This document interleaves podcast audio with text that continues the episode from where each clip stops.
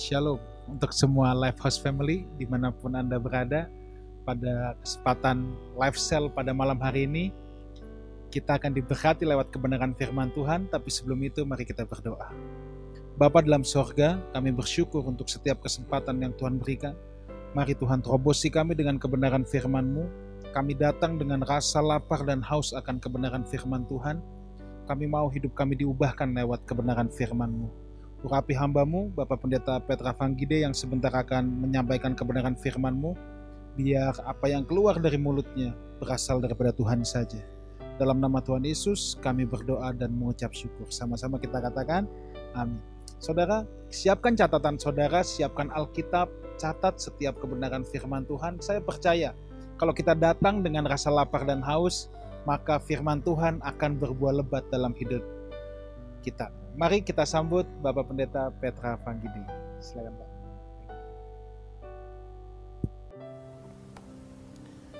Ya shalom, saudara yang saya kasih dalam nama Tuhan Kristus. Uh, saya mau menyambut juga untuk jemaat Tuhan yang mengikuti setia ibadah online ini, yaitu dari Lifehouse uh, Family.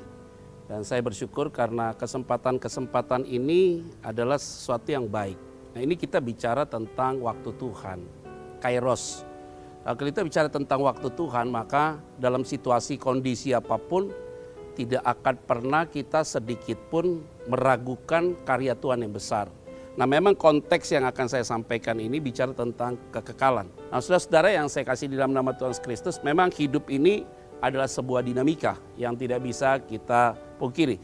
Di tengah-tengah masa COVID-19 dan ini bukan terjadi hanya di Indonesia tetapi di seluruh dunia dan ada beberapa negara yang tidak, tetapi nyaris hampir mayoritas negara-negara mengalami hal-hal yang kita alami hari ini. Pernah terjadi influenza juga yang terjadi di Eropa, sekian ratus orang yang mati, sekian ratus juta orang yang mati. Saudara masih ingat ketika Yesus mati dan pada pada jam 3 petang dia mati, yang menarik adalah bukan hanya gempa bumi yang hebat, tapi tabir bait Allah terbelah dua. Ini kan ada big question, ada pertanyaan yang cukup perlu harus kita teliti Kenapa waktu Yesus mati tabir bait Allah terbelah dua? Karena kita tahu bahwa begitu banyak cerita-cerita dalam kebenaran firman Tuhan yang menceritakan bahwa ada terjadi satu perdagangan di dalam bait Allah itu. Saudara masih ingat ada orang yang jual burung merpati, kambing domba, ada penukar uang dan segala macam. Jadi ini adalah satu kamuflase yang dibangun kesannya rohani tapi ada intrik-intrik di dalamnya sehingga akhirnya esensi dari gereja itu sudah hilang sekali. Nah, ahli Taurat, orang Farisi pintar mengolah sebuah kalimat dalam Taurat, tetapi hidupnya tidak seturut dengan apa yang diajarkan. Maka Tuhan menghancurkan itu, mengembalikan ke titik zero. Nah, waktu Yesus hadir dalam dunia, dia bilang bahwa bait Allah itu tidak hanya di Yerusalem, tapi bait Allah itu adalah tubuhmu. Nah, kita lihat peristiwa itu menjadi apple to apple yang hari ini terjadi. Kita lihat gereja-gereja hari ini dengan fasilitas yang mewah, yang luar biasa, mereka berlomba-lomba untuk memberikan sebuah servis yang baik buat jemaat. Nah hari ini benar-benar Tuhan memberikan sebuah pengertian yang semua restart. Dan artinya apa? Dikembalikan posisi awal, esensi dari sebuah gereja. Sehingga akhirnya sekarang jemaat Tuhan kembali kepada esensi gereja. Yaitu ada sebuah intimate dengan Tuhan. Ada komunikasi, ada mesbah keluarga. Suami, istri, anak-anak membangun sebuah komunitas di dalam rumah. Itulah gereja yang sesungguhnya sehingga akan dikembalikan kepada dasar gereja itu sendiri. Nah, ini menjadi satu dasar bagi kita untuk memahami. Restart yang kedua adalah masalah ekonomi, saudara. Kita tahu bahwa peristiwa ekonomi ini adalah peristiwa yang sangat dinamis sekali, saudara. Dan ini tidak hanya terjadi di Indonesia, tapi hampir seluruh dunia mengalami kerugian dan begitu banyak fatal sekali. Dan akhirnya seorang kita mencoba untuk menyesuaikan dengan kondisi yang disebut dengan the new normal Apakah ini kita bisa terjadi? Nah ini kita sedang ada dalam satu fase untuk beradaptasi tentang hal-hal demikian saudara. Nah, yang menarik adalah kalau kita lain kepada konteks perjanjian lama, ini ada hal yang menarik saudara. Bangsa Israel pernah di Mesir 430 tahun, semua free. Makan ikan free, makan ketimun free, semangka free. Nanti saudara baca dalam bilangan pasal yang ke-11. Tapi ternyata Tuhan masukkan mereka masuk dalam padang gurun. Kelihatannya suffering. Tapi ini the new normal yang Tuhan izinkan Walaupun dalam padang gurun 40 tahun tetap ada pemberian Tuhan. Ada mana diberikan. ada tiang awan di siang hari, ada tiang api di siang malam. Artinya apa? Dalam keadaan penderitaan suffering tetap ada coveringnya Tuhan, perlindungan. Ada providensial Allah, pemeliharaan Allah yang luar biasa. Dan kalau kita tarik dalam hubungan sosial saudara, ini menarik sekali. Yaitu kita ada physical distancing sekarang, ada social distancing sekarang. Kita ngomong jaga jarak ke mana-mana pakai masker dan ini sudah terjadi saudara di masa-masa lampau. Sudah mulai kita lihat ada orang kusta dijauhkan karena ini penyakit kutuk dan segala macam. Nah kita mengubah paradigma kita. Baru kita masuk dalam konteks firman Tuhan pada hari ini. Yaitu apa? Bicara tentang kekekalan. Yang tadi saya jawab, yang tadi saya berikan pendahuluan adalah bicara hal-hal yang sangat teknis dalam dunia ini. Maka kita lelah sekali, maka Paulus bilang apa? Selagi engkau masih tinggal dalam dunia ini, engkau seperti tenda yang sebentar saja akan dibongkar. Paulus bilang, aku lihat surga itu indah, tapi aku mau pergi ke sana. Tapi bagaimana aku sekarang masih hidup? Lebih baik aku sekarang harus menghasilkan buah. Nah hidup ini adalah ada time limitnya. Tetapi kekekalan unlimited. Ini penting sekali. Nah saudara-saudara, yang saya ingin membawa kita untuk merenungkan firman Tuhan itu ada di dalam Yohanes pasal yang ke-15. Yohanes pasal yang ke-15 itu menjadi satu bagian penting untuk kita renungkan dari ayat 14 sampai dengan ayat yang ke-17 yang saya akan mau sharingkan bagi kita. Ayat 14. Kamu adalah sahabatku jikalau kamu berbuat apa yang kuperintahkan kepadamu. Aku tidak menyebut kamu lagi hamba, sebab hamba tidak tahu apa yang diperbuat oleh tuannya. Tetapi aku menyebut kamu sahabat, karena aku telah memberitahukan kepada kamu segala sesuatu yang telah kudengar dari Bapakku. Ayat 16. Bukan kamu yang memilih aku, tetapi akulah yang memilih kamu. Dan aku telah menetapkan kamu, supaya kamu pergi dan menghasilkan buah. Dan buahmu itu tetap supaya apa yang kamu minta kepada Bapa dalam namaku diberikannya kepadamu. Ayat 17 terakhir. Inilah perintahku kepadamu, kasihilah seorang akan yang lain. Saudara dalam konteks ini, kalau kita lari ke konteks di bagian atas, ini bicara tentang Yesus memilih para murid-muridnya. Nah kalau kita tarik ke dalam konteks ini, maka dalam konteks kita ada kalimat yang penting, yaitu apa? Bukan kamu yang memilih aku, tetapi aku yang pilih kamu. Wah hebat sekali saudara. Jadi kalau kita lihat hari-hari ini kelihatan kualitas dari iman kita bahwa kita ini adalah pemilik kekekalan atau tidak. Kelihatan dari bagaimana cara respon kita menghadapi peristiwa hari ini. Ini akan kelihatan sekali. Lihat ya. Orang percaya yang hari ini bersungut-sungut, mengeluh, tidak tahu bersyukur. Sudah pasti dia belum dipilih Tuhan. Kenapa demikian? Karena orang yang sudah dipilih Tuhan, dia selalu hidup ya melihat segala sesuatu dengan kacamata yang positif. Pasti. Baik dia sakit kah? Dia sedang mengalami masalah kah? Sedang terlalu goncangan? Dia selalu melihat begini, ini pasti ada maksud Tuhan buat kita. Jadi orang yang dipilih Tuhan itu selalu ada pengertian yang ada dalam pikiran Tuhan ditarik masuk dalam pikiran dia.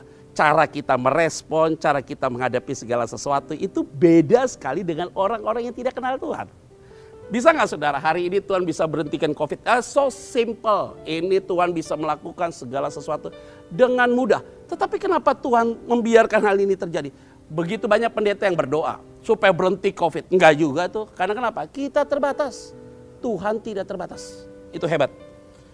Jadi hari ini jangan terlalu capek memikirkan sesuatu yang bukan porsi kita. Nah firman Tuhan lewat ibadah online ini, saudara saya kasih tahu, saya hanya sebagai penyampai aja firman ini. Tetapi hatimu diubah bukan karena mulutku, tapi karena Tuhan yang berbicara dalam hatimu. Itulah yang disebut dengan karya roh kudus dalam hidup saudara. Kalau Tuhan yang memilih saudara, dia punya segala cara untuk menghancurkan sesuatu yang keras dalam hidupmu. Supaya apa? Kita tidak capek hati, tidak buang waktu, tidak buang tenaga untuk supaya orang itu berubah. Tidak. Biarkan porsi itu bagiannya Tuhan, bukan bagiannya saya, bukan bagiannya saudara supaya kita tidak masuk dalam pikiran-pikiran terlalu berat. Nah, akhirnya kita masuk stres, stres muncul banyak hal yang akan tidak baik dalam hidup kita. Nah, ini penting. Bukan kamu yang memilih aku, tetapi akulah yang memilih kamu. Kalimat berikutnya itu hebat. Aku tidak menyebut kamu lagi hamba. Di ayat 15. Sebab hamba tidak tahu apa yang diperbuat oleh tuannya. Tetapi aku menyebut kamu sahabat karena aku telah memberitahukan kepada kamu segala sesuatu yang telah kudengar dari Bapakku. Apa itu dia? Orang yang telah dipilih Tuhan, yang telah menerima kekekalan pada Tuhan, sudah mengubah sebuah pandangan karena orang ini dipilih sebagai murid Kristus. Maka kalimat yang aku tidak sebut kamu lagi sebagai hamba, tapi sebagai sahabat. Begitu dekat sekali. Karena hamba tidak tahu apa yang Tuhan lakukan, tapi sahabat tahu apa yang Allah ingin sampaikan. Jadi kita ini terkadang disebut sebagai hamba, terkadang disebut sebagai anak. Dalam konteks ini kita disebut sebagai sahabat. Artinya apa? Murid-murid Yesus disampaikan bahwa kamu itu adalah sahabatku. Artinya apa yang ada dalam hatiku aku beritahu kepadamu. Apa yang ada dalam dirimu harusnya kamu beritahu kepada saya. Kalau kita adalah posisinya sebagai seorang sahabat, seharusnya saudara. Kenapa engkau sembunyikan sesuatu yang tidak baik di hadapan Tuhan? Itu penting sekali. Kalau engkau tidak mau lagi berkomunikasi dengan Tuhan, something happen dengan kamu. Nah ini penting sekali. Dalam keadaan begini nih, waduh orang kacau nih saudara. Ya katanya saudara orang dipilih Tuhan, engkau tahu bahwa engkau dipelihara Tuhan. Ekonomi mulai goncang, mulai tanya orang pintar, hati-hati loh kamu. Mulai lihat nih nanti orang ngomong apa, paranormal ngomong apa, ini bilang apa, feng shui-nya ngomong apa, hati-hati loh. Tuhan adalah Allah yang pencemburu, dia tidak suka gitu. Kalau engkau adalah orang yang sudah menerima kekekalan daripada Tuhan, secara spiritual seharusnya tidak boleh lagi demikian. Nah ini penting sekali. Kalau engkau adalah sahabat ya Tuhan, maka engkau adalah orang-orang yang mau jujur sama Tuhan. Lihat kita mulai koreksi ya. Saya mulai pengalaman ya. Lihat ya, kalau seandainya kita sudah jarang komunikasi dengan Tuhan, lihat kompromi kita terhadap dosa tinggi sekali. Tapi kalau kita punya komunikasi dengan Tuhan baik, karena dia adalah sahabat kita, kita bisa mengutarakan isi hati kita apa adanya, biasanya margin rohani kita itu mulai terangkat dengan baik sehingga kedagingan kita turun. Nah ini penting nih. Jadi kelihatan banget hidup kita itu akan keombang ambing seperti apa. Dalam peristiwa seperti ini harusnya kehidupan rohani kita itu semakin aktif, roh kita aktif, maka daging kita jadi lemah. Nah kita tidak perlu takut dan khawatir. Memang ada rasa takut, khawatir, tapi firman Tuhan bilang apa dalam Matius pasal yang 6? Tenang, Bapamu di surga tahu apa yang engkau butuhkan. Engkau khawatir dengan apa yang kamu makan. Mana yang lebih penting kata Tuhan? Hidup apa makan? Itu penting sekali. Engkau takut dengan apa yang kamu pakai? Mana yang lebih penting? Tubuhmu atau pakaian yang kau pakai? Jadi Tuhan itu mau kembalikan kita kepada sebuah esensi hidup kita. Nah kita selalu capek dengan ornamen-ornamen, tools-tools yang selalu menjadi aksesoris. Tetapi hari ini dalam konteks kita bicara tentang kekekalan, yang paling penting adalah engkau harus jujur di hadapan Tuhan. Kalau kita sudah bicara tentang kekekalan saudara, maka kita ada dalam pikiran kingdom of God. Nah pikiran tentang kingdom of God itu tidak boleh dicampur aduk dengan pikiran-pikiran dunia. Kalau ini masuk bahaya nih. Kalau seandainya orang beli, oh ini kata orang pinter, hari ini kita stop ngomong hal-hal demikian.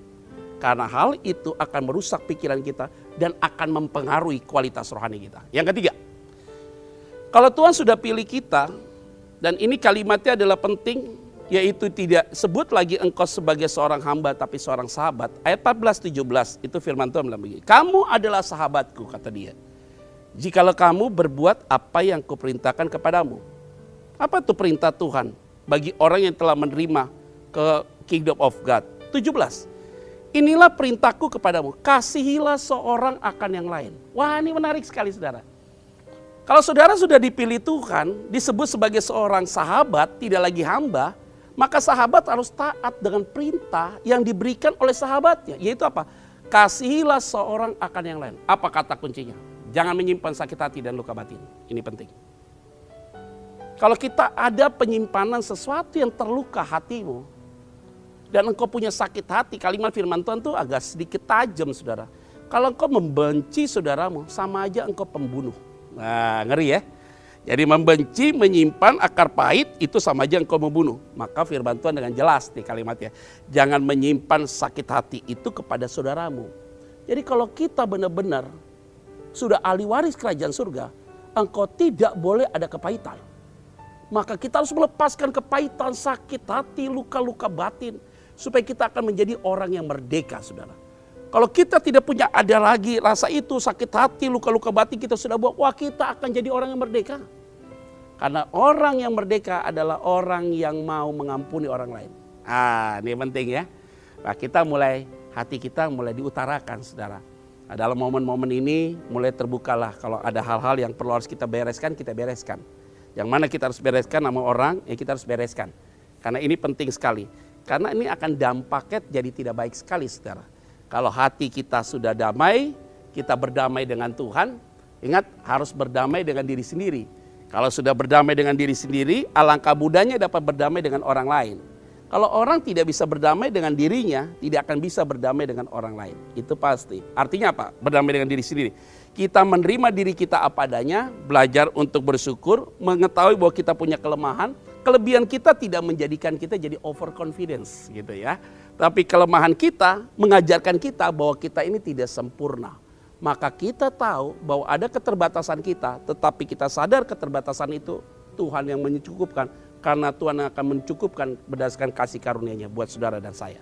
Nah, saudara-saudara yang saya kasih di dalam nama Tuhan Kristus yang setia mengikuti ibadah online, nah ini momen-momen seperti ini adalah momen-momen yang indah untuk satu sama lain di dalam keluarga itu berbenah, yaitu suami dan istri sudah saling rekonsiliasi terbuka, orang tua dan anak terjadi rekonsiliasi, kakak dan adik terjadi rekonsiliasi. Nah ini penting sekali supaya kita menjadi satu members dari Kingdom of God.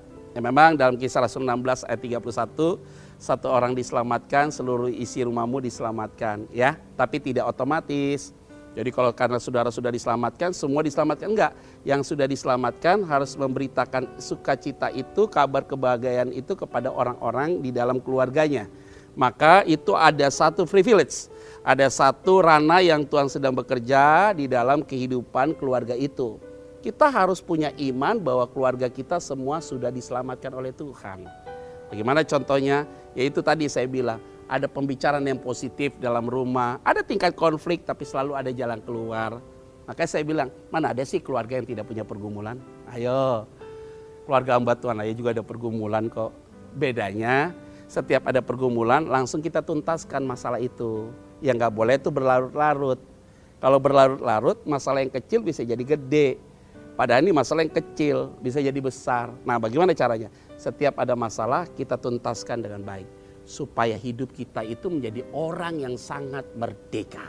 Nah, saudara-saudara, mulai kita berbenah satu sama lain baru mengerti. Nah, kita tarik lagi ke ayat 16 menjadi kesimpulan dari kebenaran firman Tuhan ibadah online ini. Bukan kamu yang memilih aku, tetapi akulah yang memilih kamu. Kalimat berikutnya. Dan aku telah menetapkan kamu. Wah hebat nih saudara. Kata menetapkan ini artinya apa? Karya roh kudus ada sekarang tinggal dalam hatimu. Dan kita tahu kita sudah lewati fase Yesus mati sebagai manusia. Dia bangkit sebagai Tuhan. Kemudian dia menampakkan diri kepada murid-muridnya. Setelah itu dia terangkat ke surga. Sebelum terangkat ke surga dia memberikan roh kudus dalam hati saudara dan hati saya dan sekarang roh kudus itu tinggal dalam hatimu. Kita tidak meminta tapi Tuhan yang give buat kita. Maka roh kudus ada dalam hatimu. Nah roh kudus itu sebagai apa? Itulah cara Tuhan memberikan sebuah tanggung jawab kepada kita. Maka Yesus bilang, aku tidak membiarkan engkau seperti yatim piatu. Maka aku akan memberikan seorang penolong yang lain. Penolong yang lain adalah roh kudus. Maka terjadi hari Pentakosta.